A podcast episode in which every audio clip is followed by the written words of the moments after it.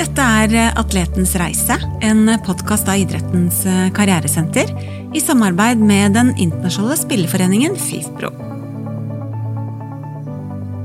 Så, men du, det har jo vært forska innmari mye på um, Eller innmari mye er kanskje feil å si, men det har vært forska en del på, på mental helse i toppidretten. Eller det har vært satt fokus Ja. på mental helse i toppidretten i de senere åra. Og så har det kanskje vært litt sånn, for det ble jo liksom blåst opp at det er så mye at toppidrettsutøvere har mer psykiske plager og psykiske lidelser enn normalbefolkningen.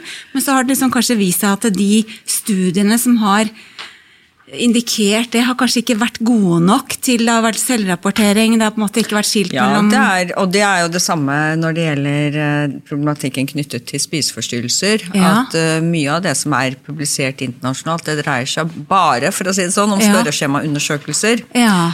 Og vi er jo en gruppe da som har eh, sett på om det er noe forskjell på å kartlegge det via spørreskjema og gjøre faktiske kliniske intervju. ja.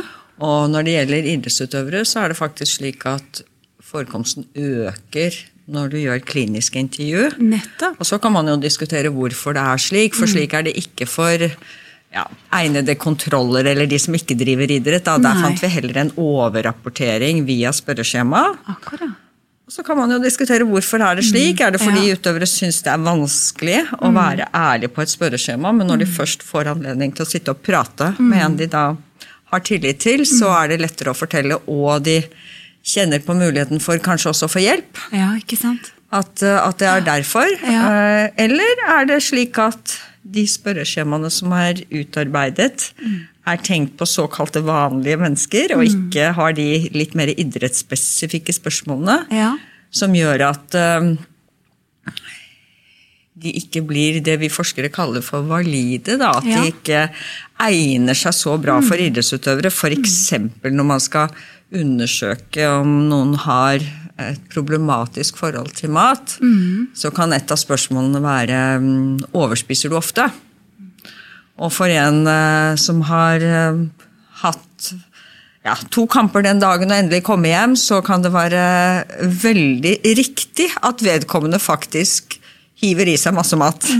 Mens for en som da ikke har gjort noe aktivt den dagen der, så vil det å sette seg foran TV-en og hive i seg masse mat kanskje defineres som noe sykelig. Ikke sant? Så man må være spesifikk når man snakker til idrettsutøvere, og også spesifikk faktisk i forhold til hvilken særidrett de utøver. For en turnjente vil nok kanskje tenke litt annerledes på de spørsmålene enn f.eks. en eh, langdistanseløper. Ikke sant? Dette er interessant, og dette skal vi snakke mye mer om, Jorunn. Jorunn. Men, det, men er det litt sånn opplest og vedtatt at det er mer spiseproblematikk i toppidretten og i idretten kanskje generelt enn det det er i normalbefolkningen ellers? Ja, det er opplest og vedtatt, og det har vi grunnlag for å si. Det er forskning slik at vi kan være bombastiske der. Men vi skal være nøye med å også si hva mener vi da når vi sier eliteidretten eller toppidretten.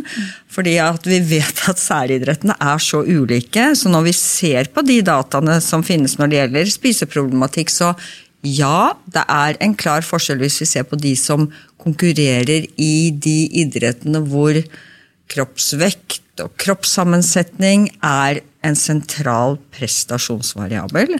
Sammenlignet med de idrettene hvor det kanskje ikke er så vesentlig, selv om det har vært en utvikling de siste årene at dette med kroppsvekt og kroppssammensetning synes å bli mer og mer gjeldende som en prestasjonsvariabel i idretten, hvor en tenkte at dette ikke var noe problem. Så altså når vi sier at det er flere i idretten enn utenfor idretten, så snakker vi spesielt om disse litt risikoidrettene da, i forhold til spiseforstyrrelser.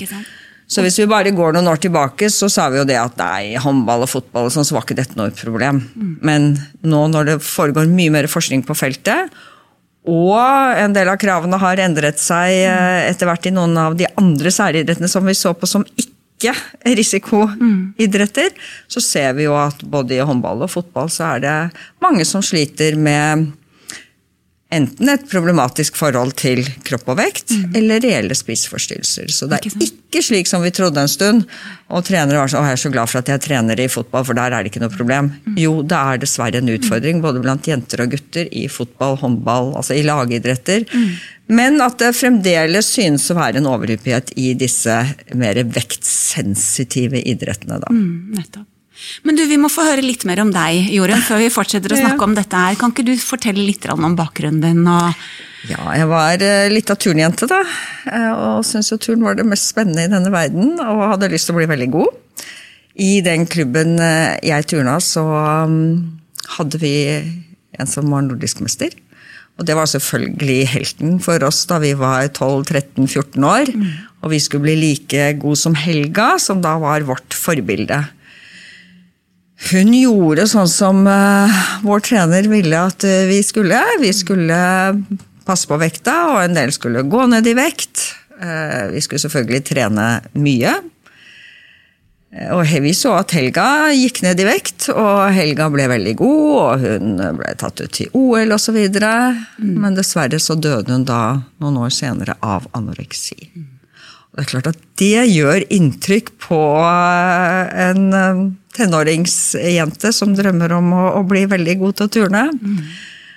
Og så var det jo da ikke noe forskning. Vi visste nesten ikke altså, hva spiseforstyrrelser var. Så det er jo riktig de som var trenere i den perioden. Da snakker vi sånn typ slutten av 70-tallet, begynnelsen av 80-tallet. Så er det riktig når de sier at vi ante ingenting om spiseforstyrrelser. Så de er på en måte litt unnskyldt, de trenerne som har vært litt i søkelyset i ulike perioder for å kanskje kunne ha bidratt til da, at noen har utviklet en spiseforstyrrelse.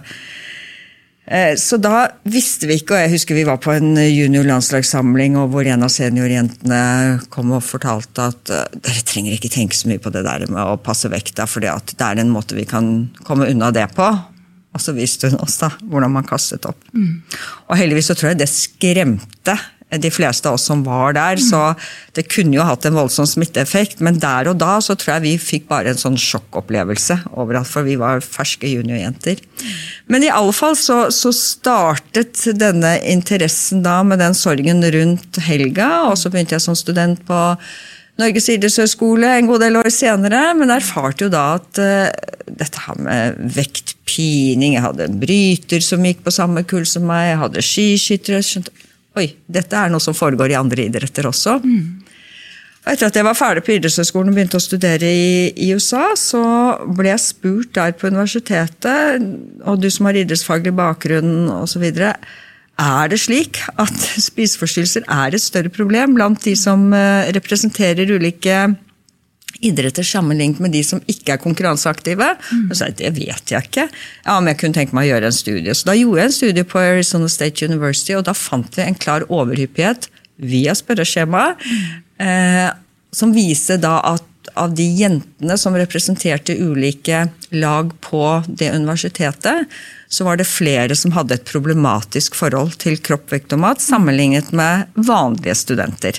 Så det var egentlig begynnelsen på dette forskningsfeltet. Det var et av de første mm, ja, scientific papers som ble publisert på feltet, og det vekte jo veldig oppsikt for alle vi vi vet at det å være aktiv og være i bevegelse, det bringer jo både fysisk og mental helse. Og så er det få som tror på at du driver toppidrett og eliteidrett for å få bedre helse. Så den trenger vi ikke diskutere. Men, men det var eh, liksom en sånn side av det å drive idrett på, på høyt nivå, særlig noen av særidrettene som det ikke var snakket noe om. Det var jo i hvert fall ikke snakket noe om mentale lidelser på den tiden der. Og, og spiseforstyrrelser er jo en psykiatrisk lidelse. Så, så, det ble mye diskusjon rundt det, men det startet da et sånt forskningsfelt, og det, det, gjøres veldig mye på det feltet, selv om vi sikkert skal snakke om senere at vi er langt fra i land. Ikke sant? Men det var starten. Ja, spennende. Men du, hvis du skal liksom forsøke å si hva er spiseforstyrrelser? For du har jo vært litt inne på det nå. Det, er, det spenner jo kanskje litt bredere enn det mange kanskje tenker. Jeg er, veld, ja. Ja. jeg er veldig glad for at du spør om det. fordi For det første, når folk leser om det, enten det er en utøver som sliter med ditt, eller så er det mange betegnelser. I, I media så ser du gjerne sånn at det er kostholdsforstyrrelse, det er spiseutfordringer, det er overtrening. Det blandes med mange begreper. Ja. Spiseforstyrrelser, man må se på det som et kontinuum, egentlig. Fra at det er en som bare i anførselstegn begynner å prøve litt med å Det begynner som regel med et ønske om å endre på kroppen sin. Eh, Og begynner gjerne med å være mer restriktiv eh, med matinntaket og telle kalorier, og med et ønske da om å redusere vekt. Og så er det da, heldigvis, må jeg si, et fåtall som går videre på dette kontinuumet, hvor det blir mer og mer intensitet, og hvor det til slutt da blir en diagnose, enten det da er anoreksia nervosa, bulimia nervosa, eller en forholdsvis ny eh, identifisert spiseforstyrrelse som heter overspisingslidelse. Og spesielt i idretten er den sjelden foreløpig omtalt, men det er en spiseforstyrrelse som vi ser dessverre mange utvikler når de har klusset en del med kropp og vekt mens de var aktive, og når de avslutter karrieren. Akkurat. Kan vi sikkert komme inn på. Men i alle fall så er det et kontinuum fra disse litt enklere symptomene på at du slanker deg, prøver å feile litt med ulike metoder. Og så er det da slik at de fleste hopper av og normaliserer sitt forhold til kropp, vekt og mat igjen, heldigvis. Og så er det da noen, avhengig av en rekke forhold, som går videre og får en alvorlig psykiatrisk lidelse. Mm. Så det er, eh, men så er det også en spiseforstyrrelse som sånn mer uspesifisert, som innehar noen av symptomene på anoreksi, som de fleste kjenner til. Den er veldig synlig. Da blir personen veldig tynn. Eh, Og kanskje noen av symptomene på bulimi, som faktisk er en spiseforstyrrelse som verken trenere eller foreldre eller medutøvere kan se på utøveren at han eller hun har, fordi de aller fleste er helt såkalt normalvektig, men sliter ofte vel så mye som en med og nervose. Og man tenker heller ikke på det som en veldig sånn kritisk medisinsk tilstand, men det kan være veldig kritisk. Så det er, det er en utfordring i idretten. De fleste med spiseforstyrrelser har denne uspesifikke spiseforstyrrelsen med bare, bare noen av symptomene på en spiseforstyrrelse eller bulimi.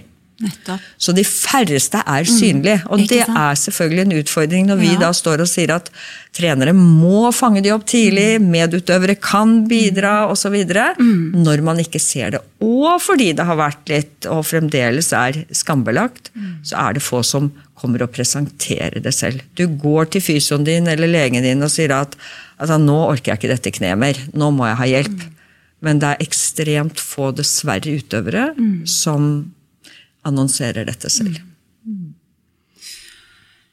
Men du, um, du har for så vidt også allerede vært litt inne på det, men hva er det som gjør idretten ekstra, eller idrettsutøvere da, ekstra sårbare i forhold til selv om allikevel et fåtall utvikler en, en lidelse, så kan man jo på en måte ha et problematisk forhold til det for det, ikke sant? siden det er et kontinuum, Ja. som du sier. ikke sant? Men hva er det som gjør liksom, idrettsutøvere ekstra utsatte? Vi vet at en risikofaktor i forhold til det å utvikle spiseforstyrrelser, det er det å være perfeksjonistisk. Og som trenere, ledere og vi som underviser i forhold til idrett og prestasjon, så har vi jo en sånn oppfattelse av at du bør være rimelig perfeksjonistisk, i hvert fall hvis du skal bli veldig god utøver. Og det trenger jo ikke være noe destruktivt i det. Men den liksom mer destruktive delen av perfeksjonisme er en risikofaktor, for du blir aldri fornøyd. Du går hele tiden og, og, skal finne mulige andre løsninger for å nå det målet som du selv opplevde at du ikke nådde. nådde. Og da er det noen som, litt som parallelt til doping, tyr til enkle løsninger. Og en idrettsutøver er jo ofte vant til å sette til side det kanskje andre definerer som basale behov. Ikke sant? Så det å bare kutte ut eh, 500 kalorier om dagen eller øke treningsvolumet, det det er ikke veldig vanskelig for utøvere. Så de kan starte eh, litt sånn forsiktig, og så bare blir den derre driven som de, noen har i sin egen personlighet, så innmari sterk at den overgår ja, det vi vil kalle all sunn fornuft. ikke sant? For det er jo mange foreldre og trenere Jeg skjønner ikke noe, for hun er jo så fornuftig. Og så har hun startet dette her vanvittige prosjektet her som er spiseforstyrrelsen. Jeg får det ikke til å stemme, men det er den intensiteten i den driven. Og så Ofte så forklarer vi jo spiseforstyrrelser med at det er et ønske for en utøver ofte å endre kroppssammensetning eller vekt i håp om å bli bedre. Mm. Så det er en prestasjonsvariabel de begynner å regulere. Akkurat som at noen sier nå må jeg øke O2-opptaket mitt. Nå tar jeg tak i det. Så er det noen som tar tak i denne prestasjonsvariabelen, og så gjør de det på egen hånd, og så blir det helt feil, dessverre. Mm.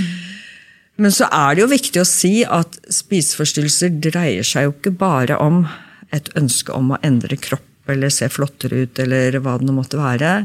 Det er også en måte å regulere følelser på. Så noen, selv om vi finner flere av de utenfor idretten, men også utøvere Jeg husker en, en ballspiller som sa at den eneste måten jeg kan overleve og ikke drepe mora mi på, det er å komme på trening og skyte så hardt som jeg kan, og så kontrollere maten. Ja. Da var det hennes forhold til mammaen sin mm. som var forklarlig nok fryktelig vanskelig. Mm. Og det håndterte hun ved å regulere matinntaket sitt, mm. og så fikk hun ut en del på trening. Mm. mm. Nettopp. Det var starten på hennes spiseforstyrrelse, som dessverre varte i mange år. Mm. Så det er bare for, for veldig mange altså Jeg har intervjuet um, kvinnelige eliteidrettsutøvere som har utviklet spiseforstyrrelser, og når du spør de, for vi er jo veldig opptatt av å høre hva mener de selv, da, for mange svarer når du spør hvordan i huleste kunne du finne på dette her? Mm. Mm. Jeg vet ikke, det bare ble sånn. Og for mm. noen så bare blir det sånn at de f.eks. Eh, plutselig øker treningsvolumet. Kanskje unge jenter gutter som flytter hjemmefra, begynner på toppidrettsgymnas.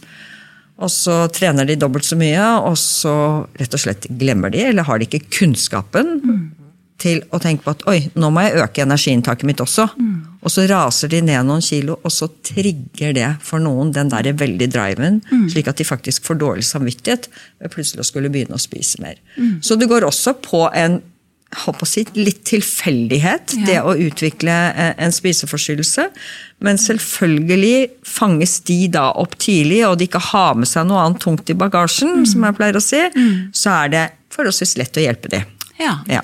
Mm. Men det er selvfølgelig mer komplisert når en kommer med kanskje en litt traumatisert barndom mm. eller traume tidlig i karrieren som vedkommende har med seg. Mm og utvikler en spiseforstyrrelse, da, da, krever det mer. Men jeg vil gjerne si veldig tidlig at man kan bli frisk av en spiseforstyrrelse, og det er det heldigvis veldig mange som blir. Mm. Ja. Det er gode nyheter. Um, men du, du, var litt inne på det også tidligere, men tilbake til dette med idrettsspesifikt. For det er jo, mm. Jeg har jo selv vært profesjonell danser, så ikke sant? Det er jo, du kommer fra turn. Det er klart at det der sier det seg jo selv at det å være tynn og, og nett og lett og sånn, det, eh, det, er viktig, rett og slett. Eh, men så, så, er det jo fotball og håndball som ja. du vært inne på, hvor det å lære være robust og det å være sterk ikke sant, mm. er kanskje det vi mer for, for, si, forbinder da, med den ja. type idretter. Men hva, hva, er liksom de ulike Kan du si noe mer om liksom risikofaktorer i ulike idretter? Ja. Det er som du sier, ikke sant, i de såkalte estetiske idrettene, da, turn, dans, rytmisk gymnastikk, stup osv., så, videre, så er det jo denne ene variabelen som at du, du vurderes Skal ikke si at du vurderes ut ifra utseendet, men det er sentralt i, i, den totale pakken, både for uttak og, og, alt mulig, uansett hva enkelte vil påstå, mm. så er det fremdeles en, en faktor i de estetiske idrettene. Så der ser vi det. Pluss at det ja er en fordel å skulle gjøre ulike volter eller hopp og, og være lett, ikke sant? Mm. men det skal jo tross alt stå i forhold til spensten din. Mm. Men det er en sånn ganske, en idrett, eller denne, denne, gruppen med estetiske idretter, det er ganske enkelt å forklare. Mm. At jenter, gutter som ikke um, har den kroppsformen, typen, det utseendet som man anser som idealet i den idretten, og hvis de ønsker å bli fryktelig gode, at de streber etter å nå det kroppsidealet. Mm. Det er eh, ganske snevert og klart definert i Mm. de særidrettene der. Men så har du f.eks. Um, utholdenhetskrevende idretter. Mm. Sykkel, langrenn, langdistanseløp. Hvor du også skal bære egen vekt ikke sant? fra A til B så raskt som mulig. Og langrenn så har du noen løypeprofiler noen gang hvor det er fryktelig urettferdig når en av løperne veier 15 kg mer enn eh, en annen, og de skal gå i ekstremt bratte moter, så skal det mye til å kompensere med andre ting, som f.eks. styrke, ikke sant, i forhold til det å ha en eh, lavere vekt. Så noen av idrettene er det enkelt å forstå at det er hensiktsmessig å ha enten en lav vekt eller ekstremt lav fettprosent. Da. Mens f.eks. I, i ballspillene så har man da hatt en tanke om at ok, det er et lag, det er mange ulike posisjoner på laget, så her er det plass til alle kroppsformer og størrelser, sa vi for ganske mange år siden. Men idretten er jo hele tiden i utvikling, og, og kravene blir tøffere og tøffere mm. i alle særidretter. Også selvfølgelig i ballspillidrettene, og se på volleyball, se på andre. Så ser vi dessverre at økningen av spiseforstyrrelser er reell i de særidrettene også, fordi at du punkt én skal bevege deg så raskt som mulig ofte, fra A til B. Og så er det også kommet inn en, en faktor eh, de siste ti årene, vil jeg si, som ikke var en utfordring tidligere, men sosiale medier. Ja, nettopp. Ja, det, mm. Hvor utøvere som da ikke innehar den såkalte ideelle beachvolley-kroppen, omtrent blir shamet. Ikke bare omtrent, Såpass. blir det. Ja. ikke sant? Og Ja. det er jo eksempler fra VM, OL, hvor folk, og medutøvere, er helt rå i forhold til hva de legger ut. Så det er, det er en egen problemstilling det i, innenfor idrettspsykologien, den, eh, psykologien, denne shamingen som pågår. Og da er det ikke altså Det betyr jo at de har fått en komponent til da, ikke sant, som kan trigge dette her. Det er ikke nødvendigvis det at det er så viktig å ha fettprosent på 12 for å bli en eh, god fotballspiller, men du skal se ut sånn som han eller henne. Nettopp, ikke sant. For det lurte jeg litt på. fordi at eh, og, eh, dette med den profesjonaliseringen og også kommersialiseringen og sosiale medier og det at du skal være en profil og du skal Ja. bygge merkevare og du, ikke sant? Det er ikke bare at du skal liksom være en god utøver og ha fokus på det, det men det er som så kommer mange mye andre.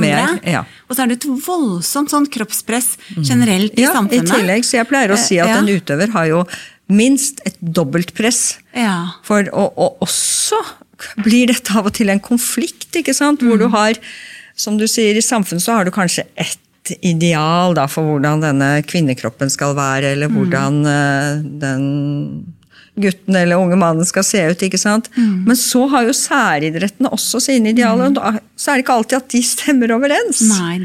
Og, og det blir ganske komplisert, særlig for de forholdsvis unge da, som ikke er etablert i idretten sin. Ikke sant? Det er sånn som jeg sa til en jente som slet da i forhold til spiseforstyrrelse. Ja, vet du hva?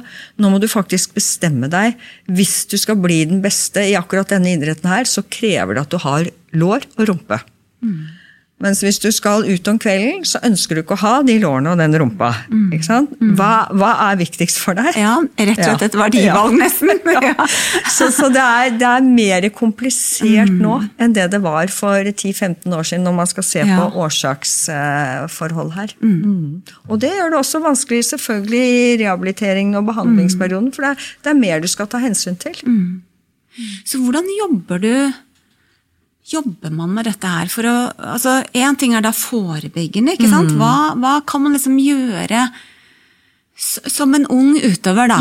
ikke sant? Som virkelig har en vanvittig sterk dedikasjon for idretten sin og har lyst til å bli best mulig, ikke sant? Og det er jo lov. Ja, det er eh, og det er jo lurt ja. også på mange måter Ja, når man har en sånn voldsom Ja. interesse.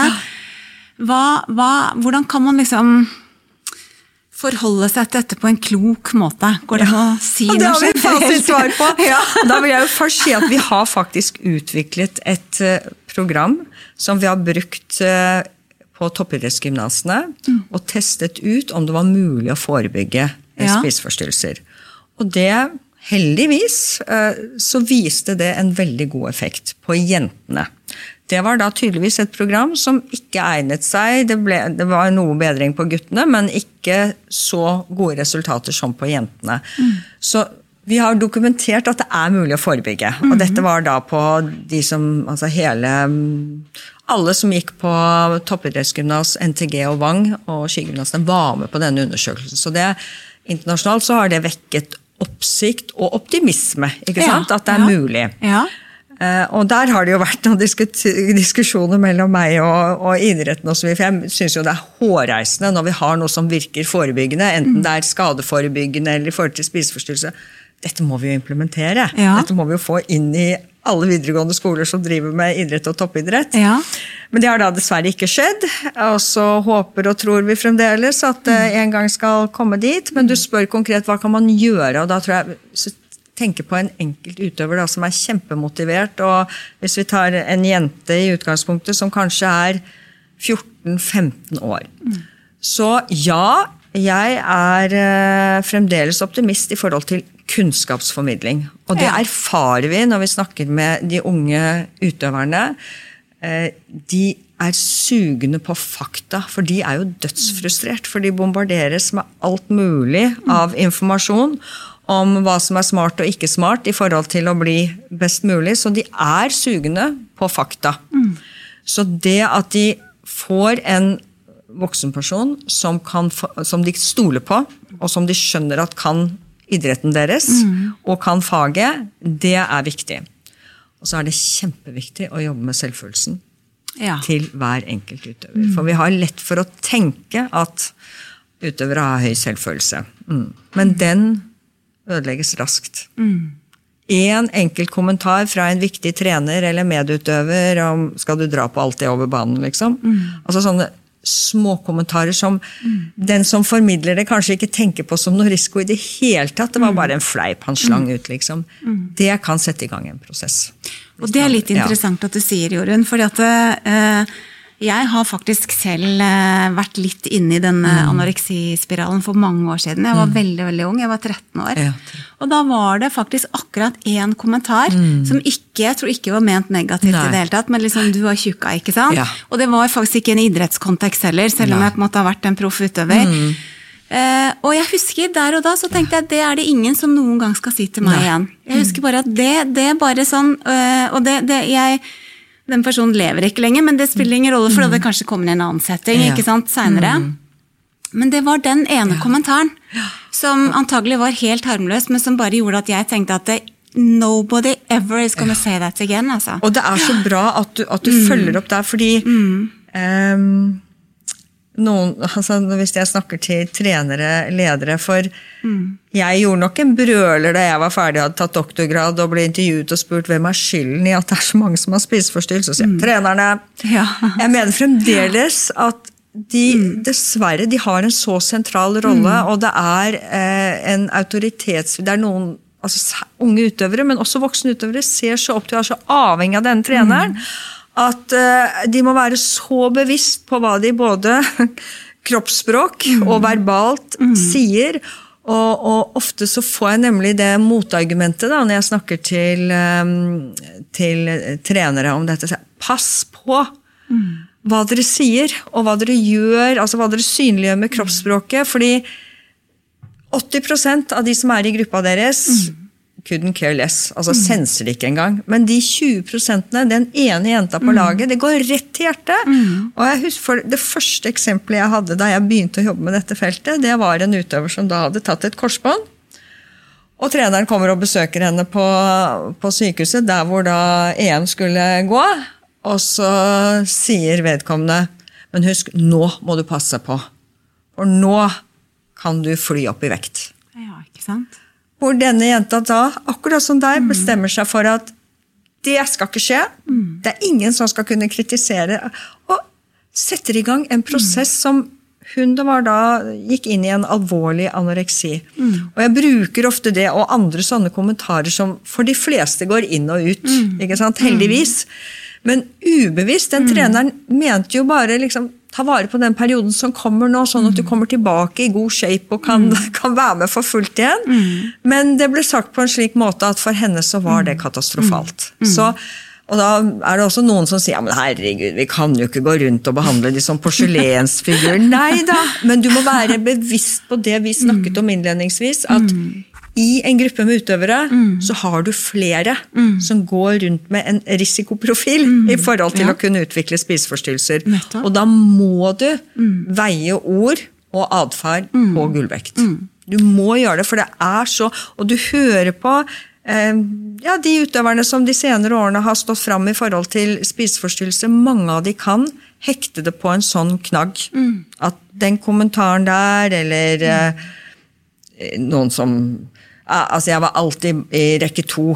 De andre, de som var sånn som kroppene skulle være, de var i rekke én. Det var ikke noe gøy på samling. ikke sant? Altså Sånne ting som en velmenende trener antageligvis ikke har tenkt over i det hele tatt at kan ha en så dramatisk effekt. Men ja, det har dessverre det for noen. Ikke Ja. sant? Mm. Og så er det jo det som du sier med at det er perf perfeksjonisme, for eksempel, som er på en måte sånn personlighets kanskje Ja. trekk, da, som kan være veldig gunstig, men Ja. også kan gjøre deg litt sårbar. ikke sant? Men så er det jo også det med å skape ja, eh, noe rundt, altså, Ja. som du er inne på. ikke sant? Skape de trygge som kan være med å bygge deg robust. da. Ja. Ikke? Bygge deg robust, og at det er mm, en kultur Nettopp. for at det er normalt å spise. At Mm. Ja. Mm. det er normalt å spise vanlig mat. Altså når jeg kom inn på denne som eh, landslagssamling som junior, så det Mm. kom vi inn der på kjøkkenet hvor vi skulle spise, så står det skummetmelk og knekkebrød og mager eh, smørost. Mm. That's it. Og for en sånn 13-14-åring, så var for meg var det en sjokkopplevelse. Mm. Mens for de som hadde vært i gamet en stund, så var det sånn det skulle være. Ja. Og du vet, hadde, da kom noen år etterpå, så ble noen jenter sendt hjem fordi de, treneren hadde funnet sjokoladepapir i bagen og sånne ting, som alle Sikkert mange av de som sitter og hører på, vil bare Mm. Er det mulig? Nå overdriver hun, ikke sant? Men det er dette her med kulturen. altså bygge, bygg og kultur, Det tar tid å bygge opp. Så der jobber vi jo, og jeg skulle ønske vi hadde anledning til å jobbe systematisk i noen av det jeg vil kalle ukulturene, Mm. hvor det bare bor i veggene. Nettopp. Her er det ikke greit å spise snop. Her er det ikke greit å spise restitusjonsmåltider. Her er det ikke greit å drikke underveis osv. Det er noen av de idrettene hvor Ja, men sånn har vi gjort det alltid. Det har funket. Det funket for meg. Jeg var aktiv selv. Jeg har medaljene mine. Sånn kan vi fortsette. Og noen av de, ja, dans, ikke sant, som er så tradisjonelle og så livredde, enten det er å endre treningsprinsipper eller hva det er. De får jo helt pigger bare. Og det, det er så lett, dessverre, for oss som da fryktelig gjerne ønsker å gjøre en endring. Du får mye mot deg. ikke sant? Det er så deilig å bare la være og fortsette å se på det, men vi Ja. har ikke råd til det. Nei, vi har ikke råd til å la disse ukulturene fortsette. Vi er nødt for å røske opp, og da, da trenger vi folk som tør å stå på, tør å si ifra. Og vi trenger treningsregimer og trenere som faktisk tør. For jeg tror, mm, altså, Trenere vil jo utøverne det beste. De er jo der for å fasilitere og legge til rette. Så når vi får, og det er jo så mange dyktige trenere, og så mange som gjør alt for å forebygge denne problematikken og mange andre utfordringer som, som finnes i idretten. Så, så det er viktig å ha sagt det. Men så er det da noen Jeg har opplevd f.eks. trenere som kan si at Nei, men du vet, jeg kan ikke begynne å si noe om det. Jeg har som mål å bli landslagstrener. Og jeg kan ikke begynne å opponere mot den kulturen som er her nå. Mm, Det kan jeg kanskje gjøre når jeg får den jobben om noen år. Ja, ikke sant. Mm. Så det trumfer. Ja. Men det er interessant det du sier med kunnskap, for at det er jo alltid viktig å ha dokumentert kunnskap. Ja. Og det er jo godt å høre at unge også på en måte er veldig Ja. De vil ha kunnskap. Vi ble positivt overrasket, fordi at vi tenkte at hm, hvordan skal de reagere på dette? Men dette har vi jo prøvd ut da i disse intervensjonene, og de sitter der, ikke sant, bare f.eks. proteintilskudd. ikke sant? Altså Det å ikke bare si at nei, æsj og fy, det hjelper ikke noe. Men de, hvorfor ikke? Ja, men den sier det, og den sier det. Ja, men hva er fakta? De, de vil høre det. Ja. Og, og jeg, det er med på å gjøre en endring. Ja. Så vi skal ikke fnyse av det. Nei, men det- det må være noen de faktisk har tillit til. Ja, nettopp. Hvor finner man den kunnskapen? Sånn som du sa at det var da distribuert ut til Wang og NTG Ja, og, ja. og sånn, men hvor kan man finne den kunnskapen hvis man ikke er i de systemene? Ja, og da tenker jeg det er kjempeviktig at du For det er jo noe av frustrasjonen til utøvere. Hvor skal jeg søke? ikke sant? Mm Så tenker jeg Når det gjelder f.eks. kostholdsveiledning, så Olympiatoppens sider er jo kjempebra. Ja. ikke sant? Hvis du går inn på ernæring der. Ja, på Olympiatoppen. Så, ja, Mhm. og, og der er det brukt altså det, Vi forskere er jo så opptatt av evidens, det er Ja, ja. forskningsbasert. Ja. Vi vet at det, dette er riktig. For Det er jo veldig mange som kan ha sterke meninger da, om at dette funker og dette funker, og stakkar disse utøverne som vil søke, og foreldre, ikke sant? skaffe til veie alt det beste. Eh, Det er ikke så lett for de som ikke er inne i dette feltet, å vite hva som er trygge kilder. Men f.eks. det å gå via Olympiatoppen, da, Ja. det er absolutt å anbefale. Det er supert. Norges idrettshøgskole. Ikke sant? Så da, alle de som hører på nå, får med seg det at de går inn på olympiatoppen.no, Ja, er det ikke det? ja. Inn på ernæring. Ja. Eller på idrettshøyskolen. For det er jo, ikke sant, i dag så er det jo en jungel av informasjon, som du sier. ja. Og hva, hva skal du stole på? Og Ja. når det gjelder ernæring, så er det jo helt spinnvilt hvor mange forskjellige varianter og Det er ikke rart at folk blir frustrert nei. og pakker sammen. Men du, litt også tilbake til det med selvfølelse. Jeg vet ikke om det på en Mm. måte er sånn noe du jobber direkte med, men, men, ehm, men hva kan man gjøre med selvfølelse? Eller hvor, eh, altså, hvordan kan man jobbe med selvfølelsen sin? Kan du si Mm. noe om det? Det er også sånne oppgaver som vi har i dette programmet. Da, og senest i dag så satt vi og, og jobbet med en sånn intervensjon som vi skal ha på veldig unge utøvere. Og da blir dette sentralt. Og det er jo bevisstgjøring i forhold til å være trygg på den du er. Positiv. Altså det å skulle kunne tørre å klare å øve seg på å gi seg selv positive tilbakemeldinger. Stå og snakke positivt med seg selv. Men det vi jobber mye med, det er også en sånn bevisstgjøring i forhold til dette med sammenligning. Ja.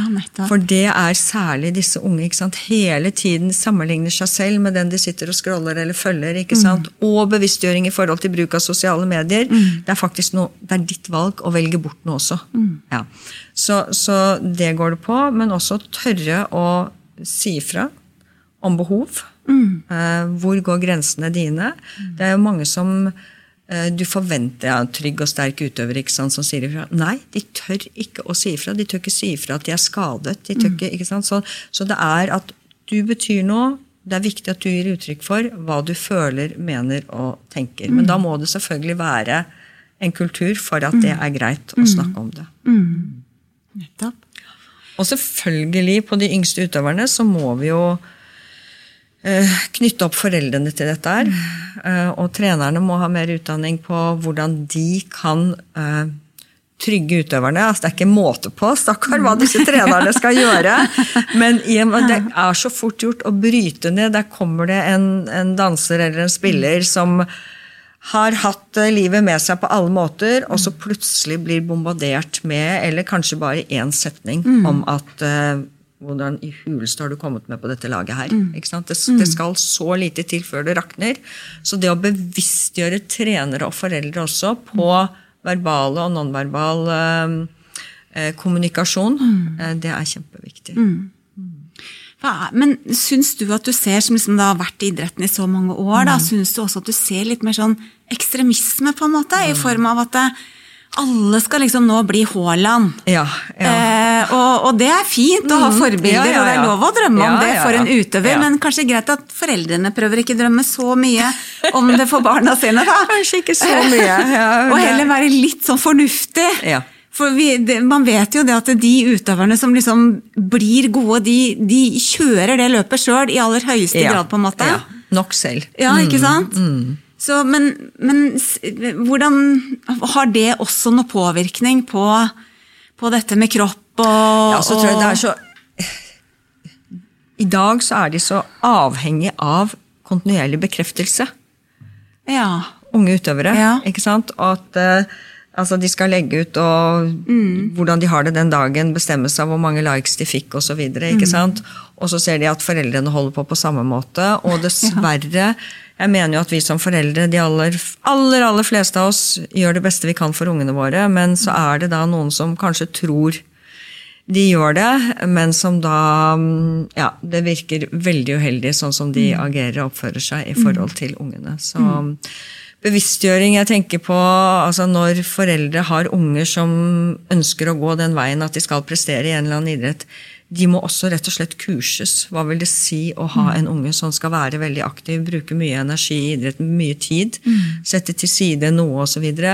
Hvordan skal du som mamma eller pappa best tilrettelegge for det? Akkurat som vi sier at trenerne må, må vite mer om det. Ikke sant? Bra.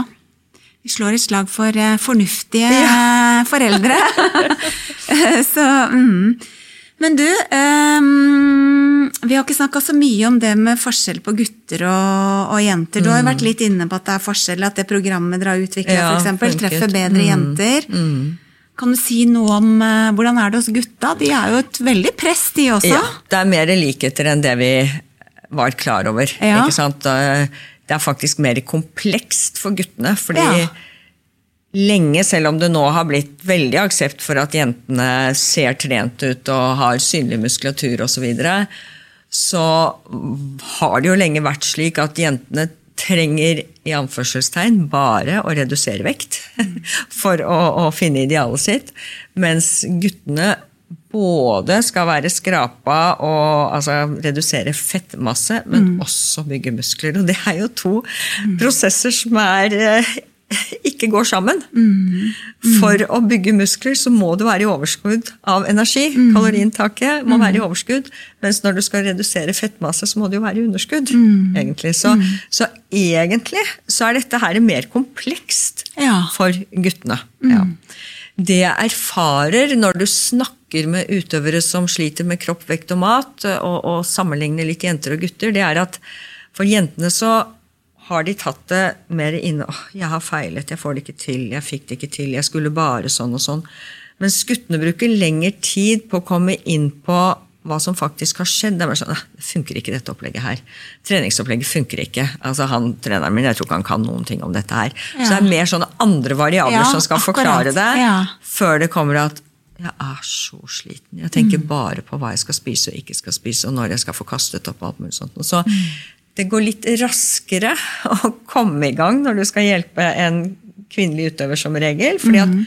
de er sånn Det er jeg som har feilet ofte. Mm. Det er sånn de, de ordlegger seg. Mm. Mens gutten skal ha, først ha gjort rede for alle disse rundt. Mm. Så der skal man være forsiktig med å generalisere, da, men mhm. jeg kjenner litt. Og det er nok også blandet med det at det i alle år har vært snakket som en, et kvinneproblem. Ikke sant? Ikke sant? Eh, det er mhm. først de senere årene hvor flere gutter og mannlige utøvere har mm. stått frem og fortalt om, uh, om, utfordringene de har hatt knyttet til kropp, vekt og mat. Mm. Så, så, jeg tror nok at det blir enklere. Men, uh, men, ja, det er forskjell på jenter og gutter. Mm. mm. mm. Det, men det kommer mer aksept? Ja. Opplever du også? Abs i, absolutt. Ja. Og det er jo ikke sant, internasjonale studier f.eks. sett på syk mannlige syklister, ikke sant, hvor mm. man plutselig kommer frem med høye tall på mange av de beste utøverne som har f.eks. osteoporose, altså mm. lav benmineraltetthet, som man egentlig bare forbandt med gamle damer. Mm. Og så var det en periode vi hadde mye fokus på det i idretten nå, og fremdeles har det at jenter som ikke menstruerer, får um, dårlig skjelett, eller skjelett som gamle damer. Mm. Men så i og med at det nå har kommet forskning, da, fordi vi som jobber på feltet ser at ok, det er gutter også som er altfor eh, restriktive med matinntaket sitt i forhold til forbruket. Mm. Det er jo de, akkurat de samme konsekvensene mm. fysiologisk ja. for guttene, bortsett ja. fra at de ikke har her, dette synlige med menstruasjon som mm. gjør at jentene kanskje blir fanget opp tidligere. da. Mm. Mm. Mødrene kanskje er litt bevisst på det og har hørt at det er viktig å ha menstruasjon også for utøvere. Mm. Nå begynner folk å få inn det, for det har jo vært lenge sånn at mm. ja, det er helt vanlig at jenter mister menstruasjon, for de trener så mye. Ja, Det er holdningen, liksom. Det er holdningen, ja, både hos fastleger mm. og og andre du har jo trenere som sier at nei, hun kan ikke være seriøs, for hun menstruerer jo. Sånn. Og, såpass, ja. og det, ja. det, trodde jeg liksom var ja. passé, men jeg mm. opplever jo hver gang jeg er et sted og, og snakker om dette, at uh, det fremdeles ja. er sayingen at uh, nei, menstruasjon altså Er du seriøs og trener nok, så mister du den. Så det er bare sånn der, og så kommer den tilbake når du vil ha barn. Nei, så enkelt er det ikke. Og vi, jeg pleier å si det holdt foredrag, vi er for menstruasjon. Jenter som trener mye, skal ha menstruasjon. Mm. Og kan opprettholde sin menstruasjonssyklus akkurat som jenter som trener mindre, hvis de tør å spise. Mm.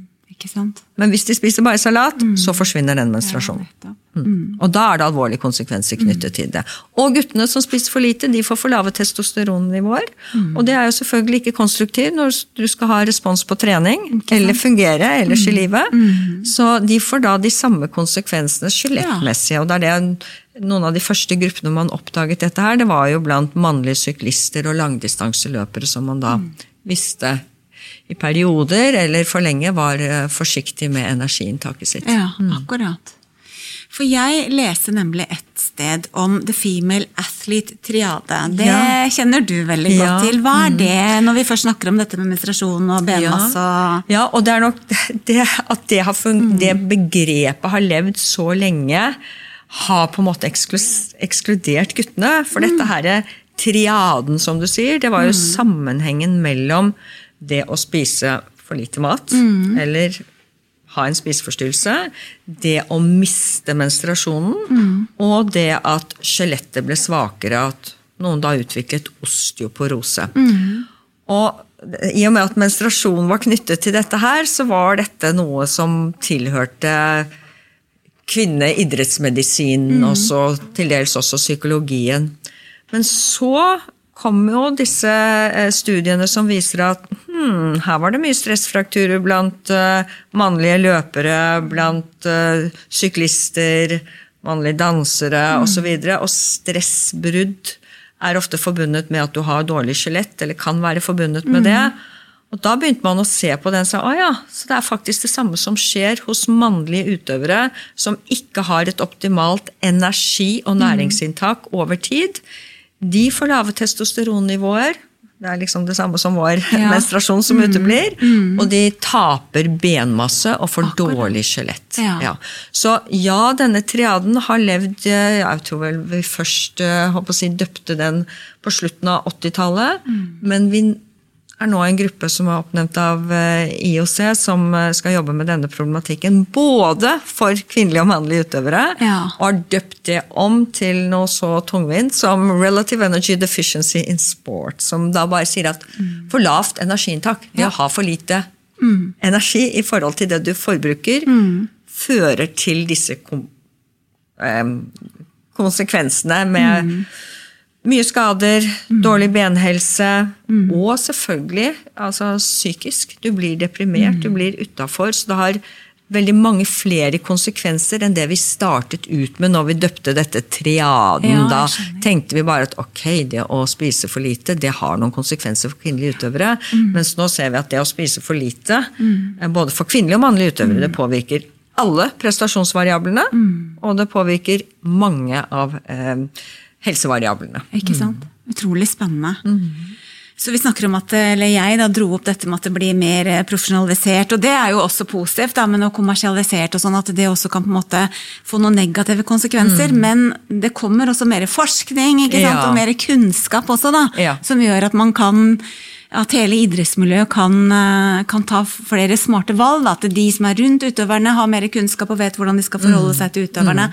Og utøverne selv kan også få mer kunnskap om hvordan de skal håndtere mat og matinntak og sånn på en god måte. Ja, ikke sant? For, Og det er det, det er det som frustrerer meg ofte. For ja, skal du bli god i, i fotball og har en posisjon som krever at kroppssammensetningen din er så ideell som mulig, eh, og, og du kjenner selv at eh, du har en voksen kropp og kjenner selv at uh, her tror jeg kunne uh, optimalisert. Akkurat som du optimaliserer andre prestasjonsvariabler. Da er det slik at da må man kunne snakke om det. Da skal den utøveren kunne ta opp det med treneren sin kanskje i første omgang. At du, jeg føler på det at det går litt tungt. Nå har jeg trent spenst, jeg har trent styrke. Alt det syns jeg er optimalt. Og hvis utøveren selv kjenner på at kanskje jeg skal gjøre noe med den kroppssammensetningen, så kan treneren kanskje, hvis han ser at nei, dette er jo helt idiotisk, så kan være ærlig på det at det tror jeg ikke vil fremme deg i det hele tatt. Men hvis du som utøver føler at dette er viktig, da skal du kontakte en ernæringsfysiolog som kan hjelpe deg å vurdere. Ja, Så da igjen det du sier med kunnskap, da skal du ikke bare sette i gang den prosessen alene, eller en trener som gjerne vil hjelpe, men som ikke har kunnskap i ernæring, skal ikke være med på de prosessene der.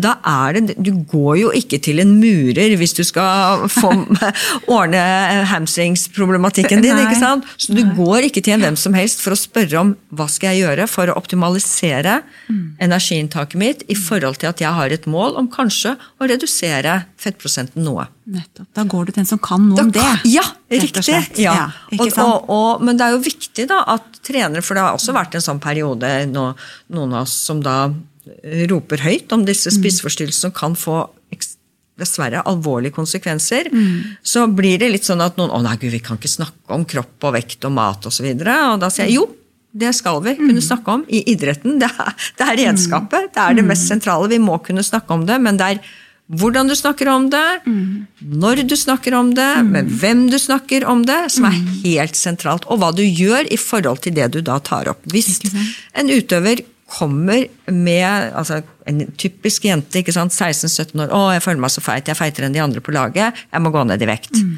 Hvis hun først tar opp den tanken, Mm. da er det første indikasjon på at hun kanskje kommer til å gjøre noe Mm. på egen hånd. Ja. Da er det jo viktig at du som trener, hvis du ser at dette er egentlig en, en utøver som ikke har noe til overs, som mange trenere sier, ikke sant? og kanskje ikke trenger det. Likevel, vet du hva?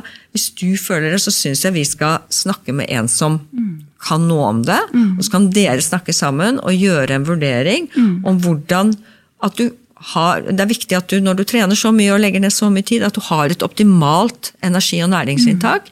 Det kan den personen hjelpe deg å sjekke. Får du nok karbohydrater, får du nok fett, får du nok proteiner osv. Og, og kanskje er det noe som skal justeres på det kostholdet, som kanskje også da bidrar til å gjøre de endringene som, som vedkommende er ute etter. For det er, jo, det er jo, vi kan ikke se bort fra det at i, i samfunnet i dag så har vi en utfordring i forhold til at veldig mange er overvektige. Mm. Noen av de rekrutteres eh, også selvfølgelig inn i idretten. Eh, Og det er dårlige spisevaner hos en stor andel av ungdommen. Så det er jo mange unge som vil ha veldig utbytte av å få veiledning eh, når det gjelder kosthold og ernæring, uten at man trenger å tenke at det skal reduseres noe fettprosent eller endre kroppssammensetning, men i et helseperspektiv som også vil ha effekt på prestasjon. Ikke sant? Veldig spennende.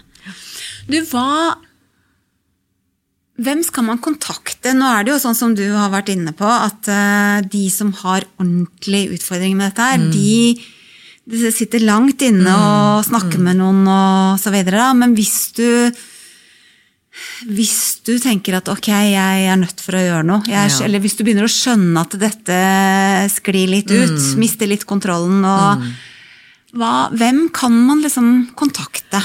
Det er jo Er litt det- avhengig nå av alder og på hvilket nivå man Ja. er osv. Men eh, jeg tenker på de som fremdeles går på, på skole, og som har en helsesykepleier. Da er mange av de er ekstremt dyktige til å ta tak i disse diskusjonene. Altså det når en først tør å komme med noen kanskje vage hint om at det kan dreie seg om en utfordring. Så de som har en, en um, helsesykepleier tilgjengelig, fastlege Det som er viktig, det er at man tør å være så ærlig som mulig. Nettopp. Ikke bare si at jeg har en del vondt, for det er lett å komme med de symptomene som vi alle kan oppleve. Alle kan ha vondt i magen, alle kan ha vondt i hodet, alle kan um, ja, ikke har så lyst til å spise usunn mat. Alt dette her er Men du må faktisk tørre å si at vet du hva, jeg tenker så mye på det der med hva jeg skal spise og hva jeg ikke skal spise. Du må virkelig være ærlig på hva du føler. Det er ikke nødvendigvis, du trenger ikke ha gått ned et gram. Eh, Det er ikke det det kommer an på. Det er hvilket tankespinn du har, og hvilken drive du har, hvor dårlig samvittighet du har for ditt og datt, om du har begynt å øke treningsmengden uten at det er hensiktsmessig for prestasjon, men bare for å bruke kalorier. Vær så ærlig som mulig, enten du Ja. nå snakker med helsesykepleier, med fastlegen, eller hvis du har godt forhold til treneren din. så kan treneren din kanskje være den som er eh, jeg, motivatoren for at du tar kontakt videre. og treneren kan si vet du hva, dette må du snakke med legen din om. Mm. Eller hvis de er yngre og bor hjemme, dette syns jeg du skal snakke med mamma og pappa om. Mm. Og så har man startet en prosess. Og hvis man da ønsker selv å ta kontakt med noen andre enn de jeg har nevnt nå, så tenker jeg at Sunn idrett sitter med veldig god erfaring i forhold til å ha den type dialog. Og det gjelder også Ofte så får jeg telefon fra en på et eller annet fotballag, og så sier han kanskje at du, vi har en på laget, og vi andre er helt sikre på at han sliter. Hva skal vi gjøre? Da kan den medspilleren ringe Sunn idrett og få noen råd om hvordan ja. de skal gå frem i forhold til å ta det opp. For mange vegrer seg fryktelig mm. for å ta opp mm. uh, dette med en, en, medspiller og redd, redd for å tråkke i salaten eller at det gjør vondt verre. Og mm. da vil jeg si, hvis du først har en magefølelse at her er det en som sliter, mm. så kan du ikke gjøre vondt verre ved Nei. å ta det opp. Mm. Så lenge du, hvis du tar den samtalen med den uh, medutøveren som du engster deg for. Så vet du hva? Jeg, jeg, har registrert sånn og sånn og sånn. Har du noen tanker om det? Jeg bekymrer meg, fordi at du må så ofte på benken, eller du må så ofte på do mens vi altså, Si ærlig, hva er det du bekymrer deg for? Mm. Det er å være medmenneske. Mm. Eller rett og slett bare spørre hvordan har du det egentlig? Mm. Det, er, det åpner Det er så mange som sier at fordi han sa det da, mm. så fikk det meg til å tenke at jeg må bare gjøre noe med det. Mm. Du, da har jeg lyst til å bare si en ting til, for du nevnte Helga Bråten, som du ja. åpenbart kjente innledningsvis.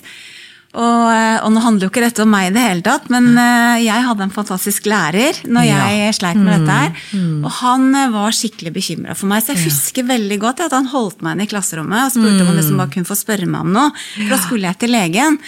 Eh, og så sa, lurte han på liksom, hva jeg skulle hos legen, og så sa han at han ble så bekymra, for han tenkte på hun turneren ikke sant, Helga når han da ja. så hvordan jeg var i ferd med å begynne å se ut. da. Og det gjorde inntrykk. ikke sant? Det å på en måte mm. få den opp, altså at Han turte, ja. da. Han var en mann det er, også. Det er så et eh, slag for gode lærere også. ikke sant? Men det å bry seg rundt, da. ikke sant? Det er jo ekstremt, kan være veldig Og jeg hadde flere folk, jeg, ja, altså. Ja, men så meg. fint at du trakk frem lærerne. Mm. Selvfølgelig. og det er så mange som for det første så er de vant til å håndtere ungdom. Mm. De er vant til å håndtere ungdom med ulike mm. utfordringer. Mm. Så eh, er noen ekstra engstelige for akkurat dette som går på spiseforstyrrelse, for de er så mm. redd for å si noe galt. Men mm. det å bry deg, som du sier, du reagerte på det. At han brød seg og bare spør hvordan har du det. Ikke bare hvordan har du det, men hvordan har du det egentlig? Ja. Det avslutter vi med, Jorunn, for det syns jeg var veldig, en veldig godt råd der. Og takk for praten. Takk for praten, det var veldig mm. koselig.